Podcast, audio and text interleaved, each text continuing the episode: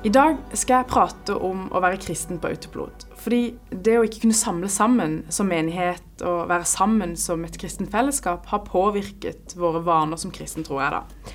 Det har fått meg til å innse at jeg må ta ansvar selv. Du er faktisk selv ansvarlig for ditt eget åndelige liv. Og som tobarnsmor så er ikke det så enkelt. Og jeg har nok prioritert det litt mindre enn det jeg burde. Så talen jeg skal ha i dag, er et resultat av korona, tror jeg. For hva er det vi har brukt mye tid til under denne pandemien? Jo, TV-titting.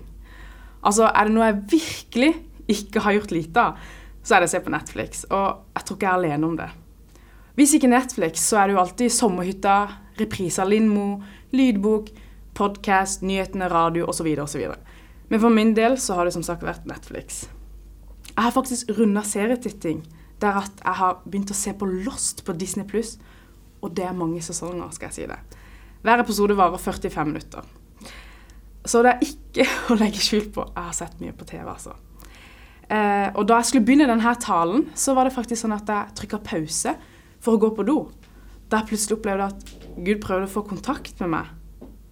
Hva gjør du, Evin? Og jeg ble helt sånn paff. Ja, hva gjør jeg egentlig? Men jeg orker ikke helt ta stilling til det helt ennå, fordi episoden jeg så på av Lost, den var midt i en sånn høydepunkt, så jeg kjappa meg tilbake i en god stilling på sofaen, og, og, jeg ble der. Og da jeg skulle legge meg den kvelden, så slo det meg at eh, jeg ikke ønsker helt å tenke på hva jeg gjør med livet mitt akkurat nå. Eller bedre sagt, jeg er redd for å ta en pause. Jeg er redd for å kjenne på hvordan jeg egentlig har det, og redd eh, for å tillate meg sjøl å kjenne. Hva hvis jeg egentlig ikke har det så bra? Jeg er redd for hva som kommer til å dukke opp i hodet. Tenk hvis jeg egentlig er helt sånn ko-ko. Og kanskje jeg ser mye på TV fordi jeg ikke helt vil finne ut av hva jeg egentlig kjenner på. Og akkurat der så, så tror jeg rett og slett ikke at jeg er alene. For eh, Netflix sine aksjer har skutt i været under pandemien. Det står i Nordea Fond-magasinet sitat toalettpapir, håndsprit og hermetikk. Og Netflix-abonnement. Over hele verden har man hamstra forsyninger de siste månedene for å takle hjemmetilværelsen under koronapandemien. Og selv om Netflix kanskje ikke er en nødvendighet, så har mange valgt å krydre hjemmetilværelsen sin med Netflix-tilgang. I årets tre første måneder, altså 2020, fikk Netflix 15,8 millioner nye betalende abonnementer, eller abonnementer mot forventa 7 millioner. Sitat slutt. Hvorfor det? Sitat igjen. Netflix er spesielt godt posisjonert med et kjent globalt merke og et stort breddeutvalg som får brukerne til å glemme pandemien en liten stund. Slutt. Altså, ja. Vi har mange hatt behov for å glemme, flykte, koble av under pandemien.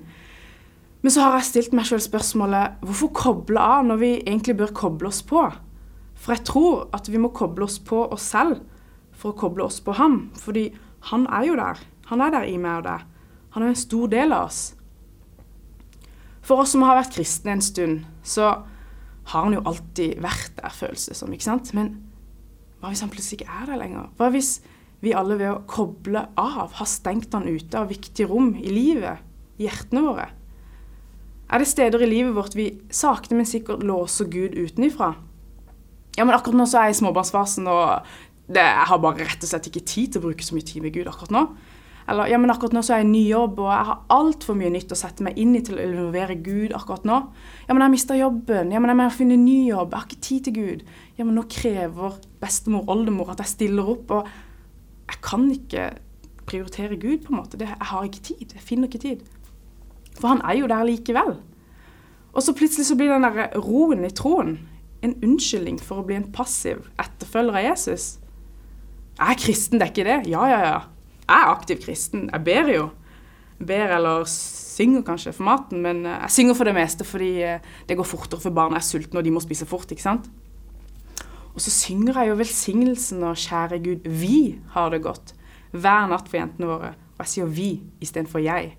Og ja da, jeg er veldig politisk korrekt og teologisk, for i tillegg til vi, så synger jeg 'Kjære Gud, går aldri fra meg', istedenfor 'Kjære Gud, gå aldri fra meg'.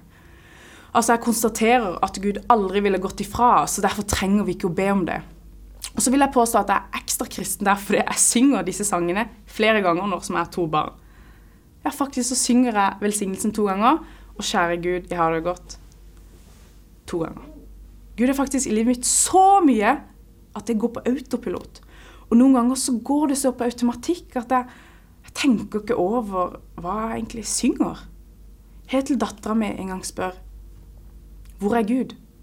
Og da stopper jeg opp. Og tenker ja, hvor er han egentlig? Jo, han er jo overalt, men er han egentlig det? Gud er jo omnipresent. ikke sant? Han er allestedstilnærværende. Og det var ikke bare det hun spurte. Uh, hun utdypte spørsmålet 'Hvor er Gud?' For jeg kan jo ikke se han. Og så pedagogisk som jeg er, så klarte jeg å sammenligne Gud med korona. Han er overalt, men vi kan ikke se han. Det er ikke akkurat mitt beste øyeblikk som mor og forsamlingsleder. Og I forbindelse um, med denne talen så kom jeg på en morsom historie fra noen år tilbake, da jeg gikk på bibelskolen her i Philadelphia-kirken. Der hadde vi noen timer i uka hvor vi skulle bruke tid med Gud. Og jeg og en venninne dro hjem til henne de timene for å se på Netflix. Og ja, det er kanskje litt alternativt, men hver gang før vi begynte å se, så takka vi Jesus for Netflix, og at vi fikk lov til å chille. Og jeg, jeg tror vi var inne på noe der. Det jeg prøver å si, da, er at uh, autopilot er jo bra, men og det er bra med gode, sunne vaner, men når går autopilot over til å være en tankeløs affære? Når blir ordene 'Kjære Gud, vi har det godt, takk for alt som vi har fått'? Når går disse ordene over til å være sånn tomme ord? Vi må våkne. Så jeg stiller deg det samme spørsmålet som dattera mi spurte meg. Hvor er Gud? Slipper vi han egentlig til? Har jeg noen pusterom i hverdagen hvor jeg kan gi han plass? Kanskje på badet? Fordi er det ikke noe salig med badet, egentlig? Det tror jeg. Og det er der de dypeste tankene får komme hos meg. Sånn er det iallfall hos meg. Og kanskje det er også derfor at eh, jeg blir stressa når jeg ikke har med meg telefonen din eller noe annet å lese på når jeg skal på do. Er det noen av dere som har kjent på det? Du skal på do, endelig, du låser døra, skal ha litt alenetid, nå skal du slappe av. Og så bare Du får spasmer. Hvor er telefonen? Nei! Jeg skulle bare slappe av noen minutter alene. Men hva er du redd for?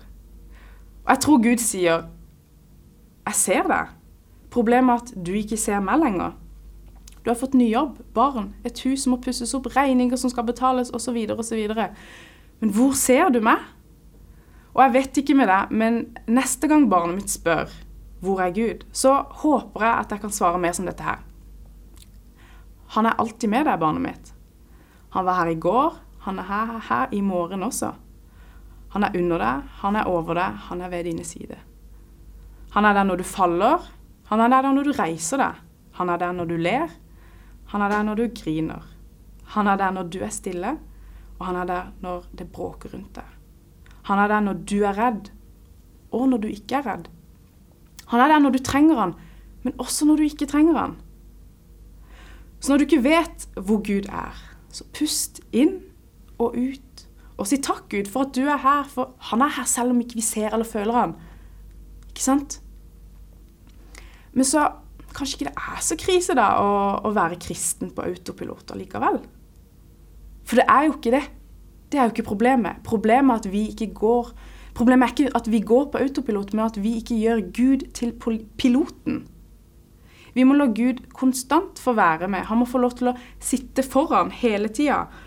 Og det er ikke så forferdelig slitsomt eller tidskrevende, dette her. Det handler rett og slett om å ha han helt framme der i livet, slik at du ser han overalt.